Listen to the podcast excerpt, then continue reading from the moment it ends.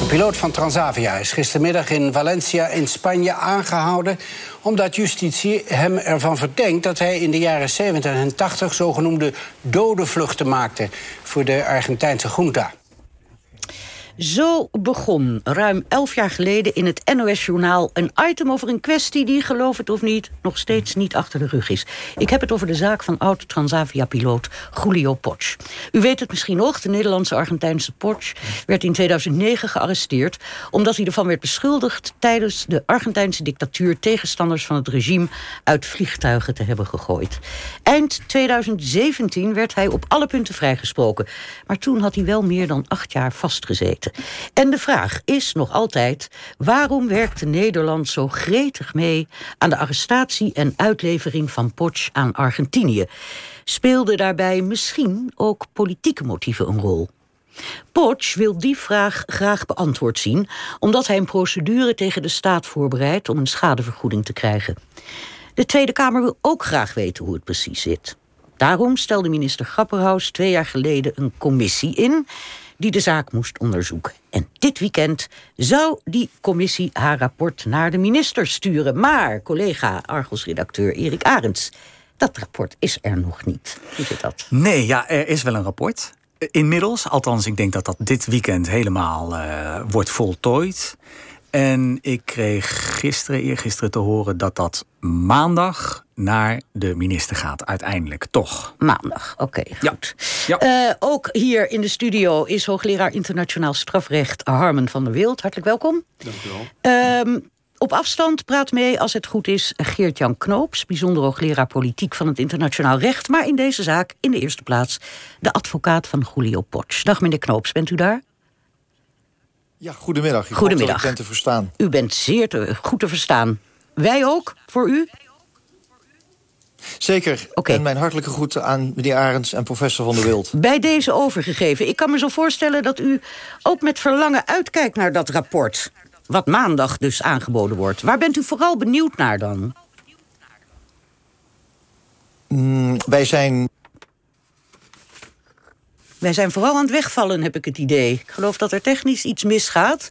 Maar dat we misschien telefonisch mm, contact opnieuw kunnen maken met meneer Knoops. Lukt dat? Oké, er wordt gebeld.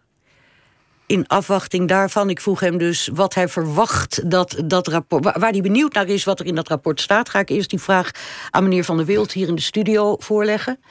Waar bent u het, het meest nieuwsgierig naar uit dat rapport? Nou, ik heb uh, begrepen dat het een, eh, een hele brede vraagstelling is tenminste dat die commissie in feite de ruimte wordt gegeven om dat nog eens eventjes uh, allerlei zaken boven water te halen. En daar zou ik wel benieuwd naar zijn, want er zijn zoveel kanten aan. Het is inmiddels natuurlijk ook 14 jaar geleden. Mhm. En uh, er zijn wat. Er zijn juridisch natuurlijk interessante dingen gebeurd. Ehm, zelf heb ik er nog eens goed over nagedacht gisteravond en vannacht. Want ik kon niet de slaap niet te vatten.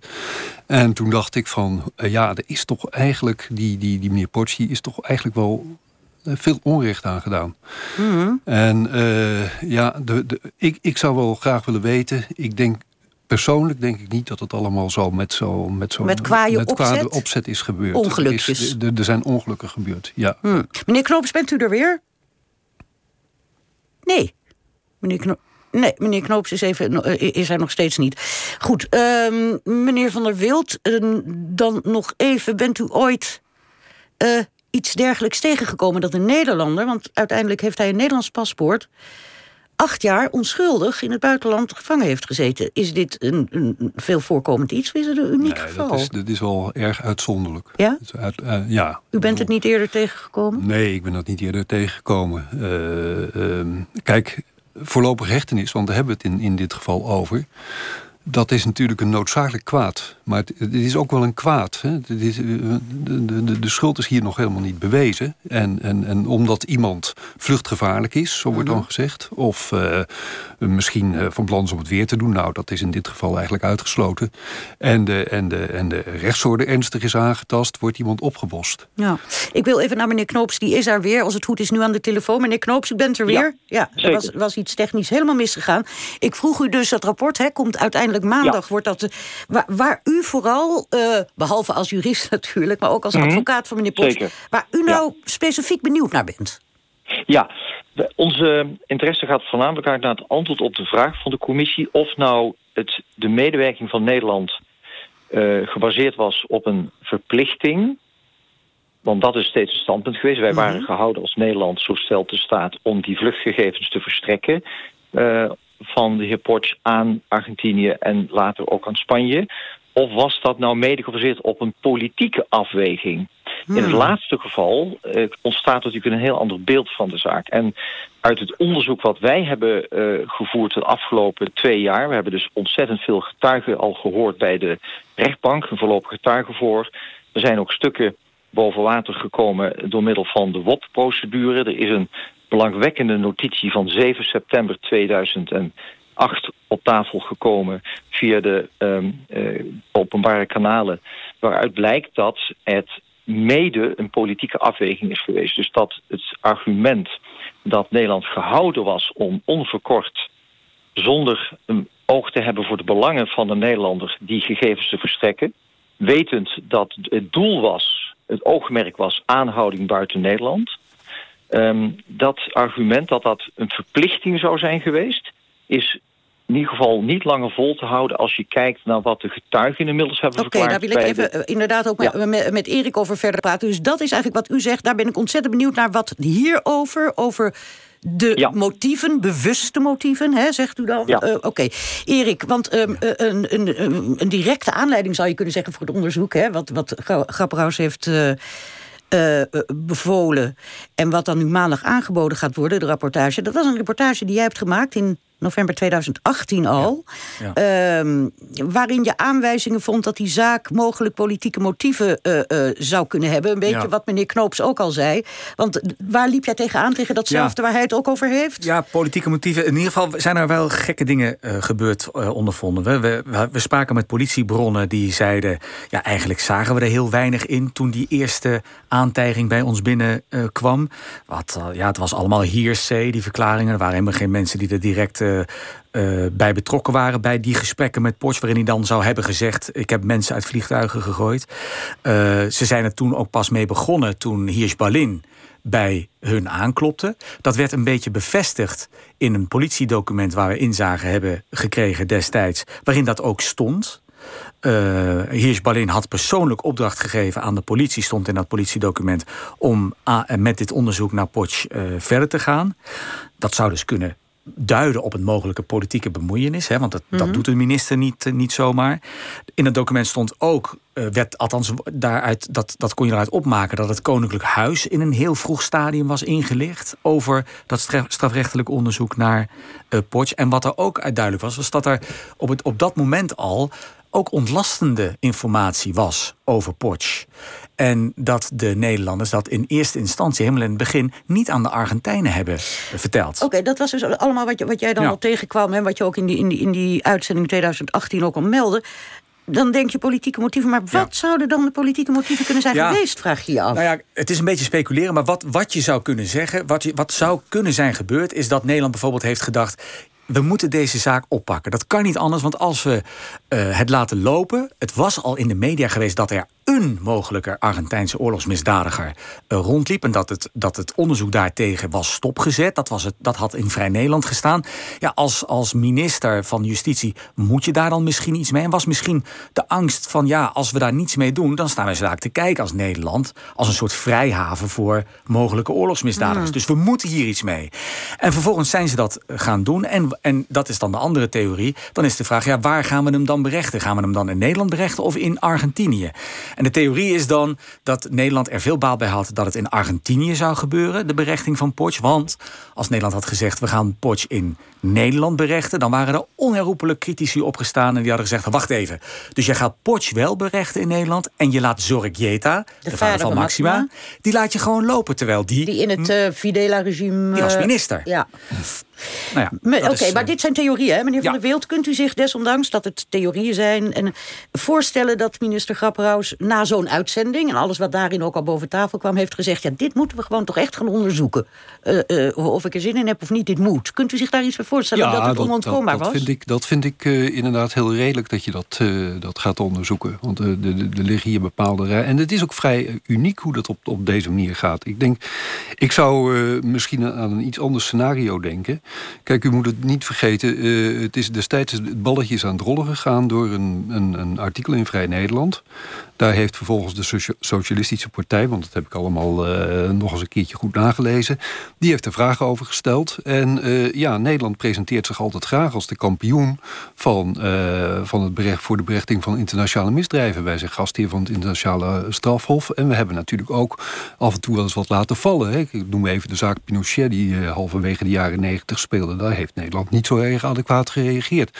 En ik zou me kunnen voorstellen dat je als je dat op een gegeven moment, als je dan ook die politieke druk voelt, dan zegt van nou, wij gaan daar een onderzoek naar instellen. Hm. Nou, dan levert dat allemaal niet zo gek veel op. En dan is het niet zo idioot om te veronderstellen van nou, laten de Argentijnen dat maar eens een keertje gaan doen. Laten we voordat we verder praten even nog op een rij zetten waar het allemaal nou precies over ging. Erik, jij hebt een hele korte samenvatting gemaakt van je eerdere uitzendingen. Laten we daar even naar luisteren, zodat we weer helder op het netvlies eh, hebben hoe het allemaal begon en waar het om draaide. Het begon natuurlijk allemaal in het restaurant op Bali in december 2003. Potsch zit daar met een groep Transavia-collega's aan tafel en het gesprek komt op een gegeven moment op de dictatuur van het Videla-regime in de jaren 70. Gezagvoerders Tim Weert en Edwin Reinhard Brouwer horen hun collega Julio Potsch het beleid van de Argentijnse junta van destijds vol overgave verdedigen. Inclusief de zogeheten dode vluchten, waarbij tegenstanders van het regime levend uit vliegtuigen werden gegooid. Sterker, ze raken ervan overtuigd dat Potsch hier zelf aan heeft meegedaan. Dat vertellen ze jaren later ook bij Pauw en Witteman. Het was gek om te zien, maar aan de overkant van de tafel... en daar bedoel ik dus uh, Julio mee, verstrakte en zei... We threw them in the sea. Out of the blue. Ik heb mezelf even bij elkaar moeten pakken. Als iemand zo'n verandering ondergaat en zo'n verhaal vertelt... en je daar uh, ja, voor jezelf een bepaalde conclusie aantrekt. Welke conclusie was dat? Ik, ik, trok de conclusie van jij moet hierbij betrokken zijn geweest. D dat was gewoon de manier waarop je het vertelde. Toch doen de piloten er verder niets mee. Sterker, drie jaar gaan er overheen voordat de kwestie een vervolg krijgt. De plaatsvervangend chef vliegen van Transavia hoort dan uit de mond van de piloten wat Potsch in 2003 op Bali zou hebben gezegd. Hij wil er alsnog werk van maken. En laat Tim Weert, een van de piloten, een verklaring opstellen waarmee Transavia een intern onderzoek zou kunnen doen. Dat onderzoek komt er en ook Julio Potsch wordt daarin gehoord. De directie van Transavia concludeert dat de aantijgingen berusten op een misverstand. Een spraakverwarring vanwege het Engels dat destijds aan tafel werd gesproken. Toen Potsch het bijvoorbeeld over de misdaden van de Argentijnse junta had en daarbij sprak over we, bedoelde hij de Argentijnse overheid en niet zichzelf. Maar de plaatsvervangend chef vlieger laat het daar niet bij zitten. Hij stapt met de verklaring van Tim Weert naar de politie. Met alle gevolgen van dien. Als ik op het moment dat ik het schreef geweten had dat het een juridische status zou krijgen, ja. dan, uh, ja, dan, dan was het zeker een uh, ander document geworden. Zegt u dat had ik anders opgeschreven als ik had geweten dit gaat naar de politie? Ik zou het zeer zeker anders hebben omschreven. En uh, ik zou hier zeker een, een jurist naar hebben laten kijken als ik dit geweten had. De andere kant is, ik heb het na aanleiding van de voorbereiding voor dit gesprek doorgelezen. Ja. En dit is wel de, ja, hoe, moet ik, moet ik dat zeggen, de boodschap. Ja. Zoals Julian, Julian heeft verteld op Bali, is op deze manier op mij overgekomen. Ja. Alleen, uh, bijvoorbeeld het woord confession ja. heb ik begrepen dat uh, de heer Torres daar nogal veel waarde aan gehecht heeft. Ja, juristen weten daar wel raad mee, ja. Aan de ene kant heb ik het wel zo opgevat. Aan de andere kant is het nimmer de bedoeling geweest om uh, dit document zo enorm zwaar te laten wegen in zijn proces. Ja. De vraag is, had u dat op dat moment moeten weten? Hadden jullie dat op dat moment moeten weten? Want meneer Reinhard Brouwer, u heeft toen ook gezegd... ja, dit is wel ongeveer uh, wat er uh, is ja, gebeurd. Ja, ja, maar precies wat, wat Tim zegt. Ja. Natuurlijk, als je het nu leest, denk ik, ja, ja, ja, goed. Maar toen las je het gewoon door en uh, je bent met iets anders bezig. Er zijn van een tripreportje. Daar hangt niet zoveel gewicht aan. Dan denk ik, nou, uh, ja, zus me zo. Ja, ja, nou, oké, okay, ja. Nou, dat klopt wel zo'n beetje, ja. U heeft op dat moment nooit gedacht, Kijk, I nee, confessed? Uh... Nee, nee, natuurlijk niet. Hm. Als ik geweten had, ja, ja, ja. Hè? Maar dan pak je een juridisch stofkammetje... en dan ga je daar eens eventjes helemaal doorheen. Maar wat is dan daarvan de oorzaak? Is de oorzaak onder andere het idee dat dat is bestemd in eerste instantie voor een intern onderzoek? Jazeker. Heeft dat ermee te maken? Ja. Je verwacht natuurlijk niet dat dit uiteindelijk nog ergens komt te liggen bij internationale ja. Strafhof. Daar is het uiteindelijk terechtgekomen. Kijk, als je dat van tevoren. Dan, dan, had er, dan had er wat anders gestaan. Ja, klopt. Maar je bent ook geen jurist, hè? Ik bedoel... Uh... Nee joh, wij, uh, wij sturen gewoon alleen maar vliegtuigen rond en uh, en that's it, weet je. Tja, een fragment uit een interview van jou, Erik Arends... met drie Transavia-piloten die dus belastende verklaringen over Porsche hadden afgelegd. Mm -hmm. Maar begrijp ik het nou goed dat zij dus helemaal niet zelf naar de politie zijn, nee. zijn gestapt? Ja, dat klopt. Dat, dat is dus een collega geweest. Die is naar de politie gestapt met, met een verklaring die zij wel hadden geschreven... maar die, die was dus in eerste instantie bestemd voor intern onderzoek bij Transavia. En daaruit kwam dus, ja, dat was gewoon sprake van een misverstand. Transavia had Porsche dus wel gehoord. En die had gezegd, ja, dat is gewoon uh, een misverstand, een spraakverwarring. Maar goed, die, die, die, die collega is daarmee naar de politie gegaan. De politie heeft er dus aanvankelijk helemaal niets mee gedaan. Die dacht ook, ja, wat is dit? Mm. We hebben veel meer, we hebben betere zaken om uh, uit te zoeken. Maar goed, toen heeft de minister zich er dan toch mee bemoeid. Nadat die kamervragen waren gesteld. Toen is de politie er toch mee aan de slag gegaan. En werden dus uiteindelijk die, deze piloten gesommeerd om te, om te komen getuigen. Uiteindelijk doen Nederland en Argentinië allebei onderzoek naar Porsche. En die landen besluiten dan op een gegeven moment dat het Argentijnse onderzoek voorrang krijgt. Maar, meneer Knoops, dan hebben we meteen een probleempje. Want Nederland kon Porsche toch eigenlijk helemaal niet uitleveren aan Argentinië? Klopt, er zitten in deze zaak twee uh, juridische punten van belang. A, uh, volgens het verdrag dat tussen Nederland en Argentinië bestond uh, sinds 1893 alweer, -hmm. was het verboden om Nederlanders uit te leveren aan Argentinië. Ja. Dat is één. En twee, de stelling uh, dat Nederland geen keuze had dan mee te werken aan deze route, omdat anders de Hippotch zogenaamd vrij uit zou gaan vanuit de visie van de staat. Ook dat is een onjuist standpunt, want Nederland had sinds 2003 rechtsmacht over de zaak van de Hippotch. Men had dus in Nederland de berechting ter hand kunnen nemen op grond van een wet die in 2003 is aangenomen. En uh, in die wet staat onder andere uh, staan een aantal artikelen, onder andere het artikel van de zogenaamde gedwongen verdwijningen. En daarbij is zeer ruime rechtsmacht, dus bevoegdheid gegeven aan Nederland om in Nederland dit soort zaken te berechten. Okay. Uh, en dat betekent dus dat zowel voor wat betreft de uitlevering als het argument van we hadden geen keuze dan mee te werken aan die zogenaamde Spanje-route, dat de staat daar juridisch compleet de plank heeft misgeslagen.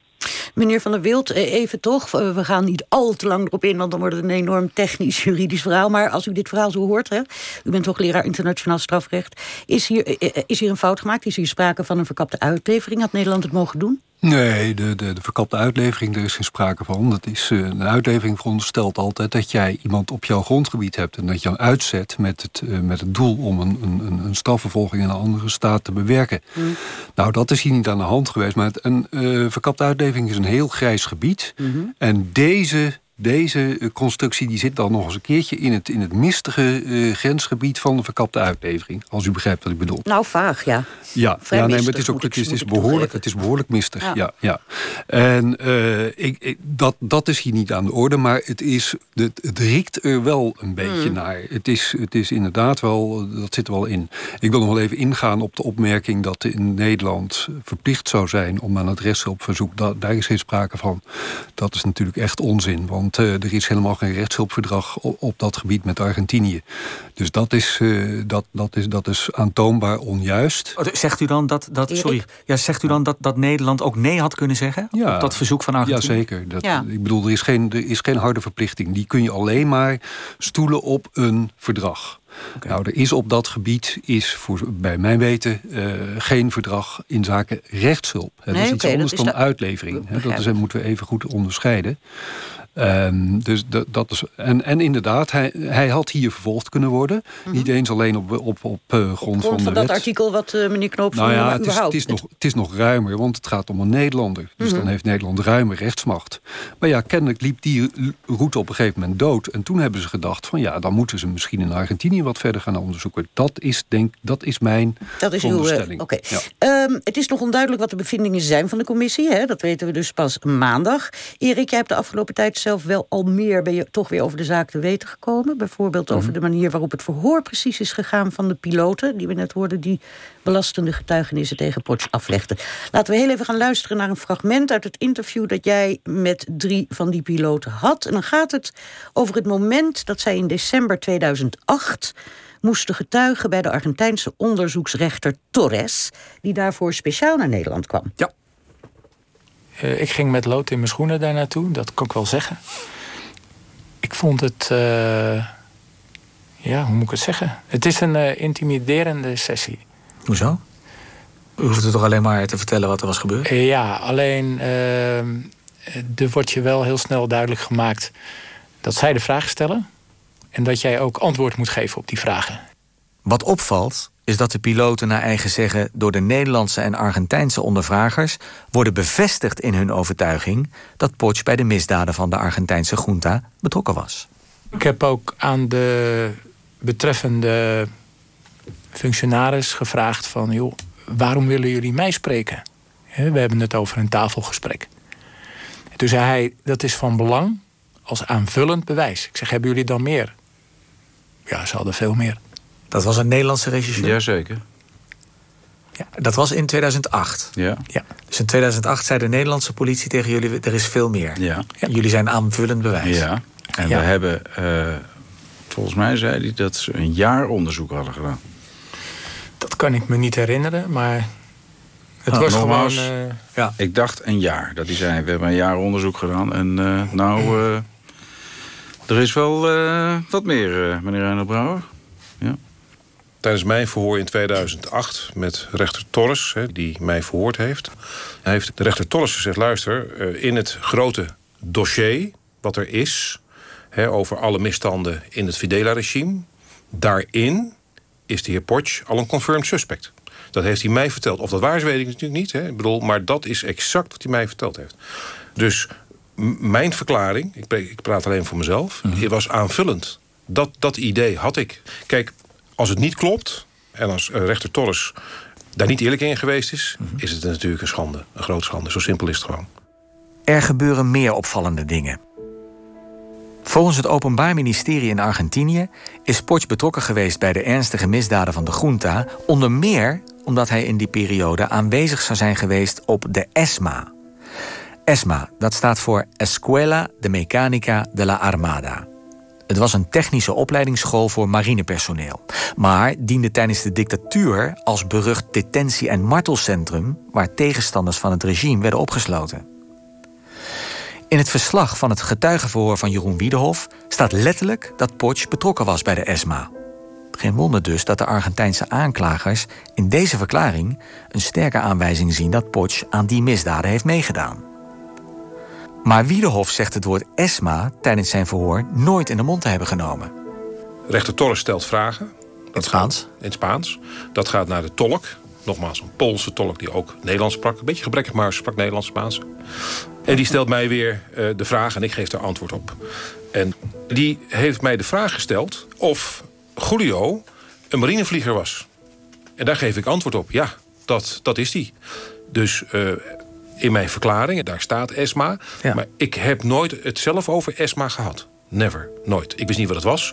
Het kan wel zo zijn, maar dat weet ik niet meer precies... dat uh, Torres heeft gevraagd over ESMA... maar dan de volledige uh, uitleg. Hè, dus Esquala, Mechanica, ik weet nog steeds niet waar het voor staat. Ja, ja. En dat de tolk dat te veel vond. En dus tegen mij zei... Uh, uh, was de heer Potje marinevlieger. Zo, zo, zo ging dat, weet je. Het was, het was best wel een beetje een een, een schokkerig... Uh, maar dat is wel heel belangrijk. Ja, want achteraf, ESMA ja, ja. Is, wordt opgevoerd als bijna het bewijs... dat Potje erbij betrokken is geweest. Want hij, hij was daar op die school. Ja, achteraf is dat heel belangrijk. Op dat moment wist ik het helemaal niet. ESMA was voor mij, zelfs nog na zo'n verklaring... iets van een, een militair opleidingsinstituut. Niet meer dan dat, dat wist ik helemaal niet. Dat wist ik nee. echt niet. In het vonnis waarmee de Argentijnse rechters Potsch in 2017 vrijspreken... schrijven zij dat Potsch niet betrokken was bij de gruweldaden op de ESMA en dat de aannames van de piloten op Bali berusten op misverstanden die het gevolg zijn van het feit dat aan tafel Engels werd gesproken. Maar toen had Potsch dus al ruim acht jaar vastgezeten. Meneer Van Wild, uh, hier nog in de studio. Als u dit zo hoort, zo'n zo'n toch niet onbelangrijk detail... als die ESMA, uh, uh, waarvan, dat staat in een verklaring... dat een van de getuigen dat gezegd heeft... die zegt, ik heb het woord nooit in de mond genomen. Wat moet je nou van, van wat je hier hoort denken? Ja, dat is heel, dat is heel wonderbaarlijk. Eigenlijk heel curieus. Uh, maar dan nog zou ik zeggen, ik, ik, denk niet dat er op een of andere manier geknoeid is. Op een, maar, maar, Knullig te werk gegaan? Nou, we hebben met Argentinië natuurlijk niet zoveel rechtshulp. Hè? En uh, ik, ik zit in de, in de internationale rechtshulpkamer... en dan zie je al op een gegeven moment dat het met landen in Europa... soms al heel erg moeilijk gaat. Laat staan met Argentinië. Nou, hier is, een, hier is natuurlijk een enorme politieke druk opgekomen. Uh, de, de, de toenmalige president van Argentinië... die wilde er echt werk van maken. Uh, vlak na het, het de val van het militaire bewind... was dat allemaal nog heel erg, was bijna onmogelijk. En toen wilde men eens een keertje duidelijk een daad stellen. En ik denk dat je dat ook wel in deze context goed moet begrijpen. Hmm, meneer Knops, wat vindt u? Over de knulligheid? Ja, nou ja, ik noem ja. dat maar zo. Omdat als je zegt dat er geen kwaaie ja. opzet is, dan is het knulligheid. Maar, maar ook wat nou, meneer Van der Wild zegt, hè, dus ook gezien in de mm. tijd... dat de druk die erop lag... Zou het inderdaad zouden allemaal ongelukjes geweest kunnen zijn? Nou, het is meer dan ongelukjes. Op de eerste plaats... Uh, Professor Wild heeft volkomen gelijk. Er, er, is gewoon, er is nu bewijsmateriaal opgedoken nadat meneer Potsch is vrijgekomen, is vrijgesproken, dat er enorme politieke druk werd opgevoerd door Argentinië. Dat blijkt uit die ambtelijke notitie van 7 september, maar dat ook Nederland daarvoor gevoelig is geweest en heeft meegewerkt aan het faciliteren van die politieke druk van Argentinië. Ten tweede, het is meer dan een ongeluk, want er is ronduit misleidende informatie gegeven. Niet alleen in het kader van het rechtshulpverzoek van Nederland op 14 juli 2008. Op drie cruciale elementen heeft het Openbaar Ministerie van het landelijk pakket misleidende informatie gegeven aan Argentinië, waardoor meneer Ports ten onrechte verdachte werd. Die was totaal onbekend in die hele ESMA-kwestie. En ten tweede is bij het kort geding dat in december 2009 is gevoerd. En uh, meneer Arends heeft zelf toen ook contact gehad met uh, een woordvoerder van de toenmalige kortgedingrechter, meester Paris. Die toen de overlevering van de heer Portje van Spanje naar Nederland afwees. Mm -hmm. Daar is door de staat het standpunt ingenomen dat er vanuit moest worden gegaan dat in Argentinië het bewijsmateriaal zou liggen tegen Potsch. Daar is nul, maar dan ook nul van waar gebleken. En de vraag die wij steeds hebben gesteld aan, in onze verhoren aan de Nederlandse ambtenaren... hoe zijn u in godsnaam bij die stelling gekomen? Er is nooit antwoord op gekomen. Hoe heeft Nederland de Nederlandse rechter kunnen informeren... dat een Argentinië bewijsmateriaal zou moeten liggen tegen Potsch... terwijl dat niet waar is gebleken. Hmm. En dat, dat is hoogst onzorgvuldig. En wij hopen dat de commissie daar ook aandacht voor zal geven. Dus het zijn geen ongelukjes geweest. Er is onder die politieke druk omdat Nederland haar politieke gezicht wilde redden, is het belang van een Nederlander opgeofferd. En zo is het en niet anders. U bereidt sorry, namens Potje een schadeprocedure voor tegen de staat. Daartoe heeft u, zoals gezegd, twee weken geleden nog een paar hoofdrolspelers uit deze hele affaire onder Ede laten horen bij de rechtercommissaris. Uh, Erik, jij hebt dat ook Mhm. gevolgd. Ehm, we moeten eh, eh, enige haast maken. Dus wat ik in elk geval zou willen weten, Ja. is daaruit nog iets meer voor jou bekend geworden over de invloed van Hirspalien en van het Koninklijk Huis in deze hele zaak? Eh, over het Koninklijk Huis kan ik zeggen dat Theo van Boven, dat was de emeritus hoogleraar internationaal recht, die in de uitzending had gezegd van ja, de hogere belangen hadden er meegespeeld. Dat had hij gehoord uit Argentijnse diplomatieke kring. Toen heeft hij voor de rechtercommissaris toegegeven dat dat ging om de toenmalige Argentijnse ambassadeur in Nederland. Hij zei er wel bij dat het niet geen gezaghebbende opmerking was, maar meer social talk. Maar goed, het kwam dus uit de mond van de toenmalige Argentijnse ambassadeur. En, ja, en verder viel mij op dat de zaaksofficier van toen, Wart Ferdinandessen, ehm, toegaf dat tot drie weken voor de arrestatie van Potsch, zowel de minister van Justitie als de mensen bij het college van procureurs-generaal hadden aangegeven. Doe het maar niet. Ga de Argentijnen niet helpen. Want dit, dit gaat leiden tot eh, bezwaren, kritiek over een verkapte uitlevering. En Bart Ferdinandessen is toen degene geweest die heeft gezegd... volgens mij kan het wel. Die heeft toen een notitie geschreven... en die heeft alles en iedereen Mhm. Meegekregen. eigenlijk, ja. Nou, niet Nee, niet. overtuigd. Ja. ja. Eh, meneer Van der Wild, als u dit alles even nog op een rijtje zet... en het is nog niet alles, maar meer tijd, voor meer hebben we geen tijd... maar tijd maar genoeg. Hoe zou u de zaak dan willen typeren?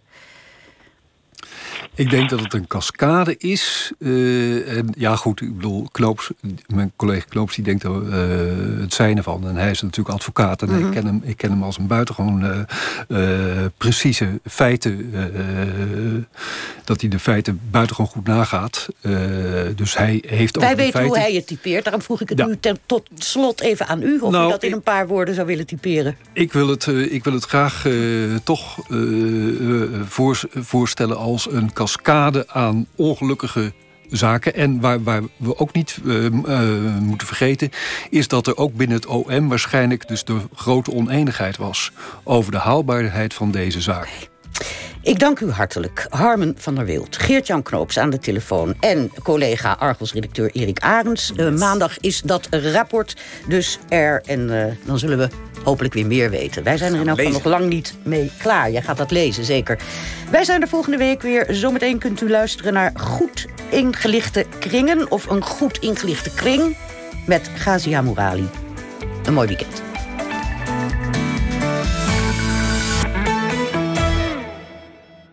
NPO Radio 1. Onvoltooid verleden tijd op de radio.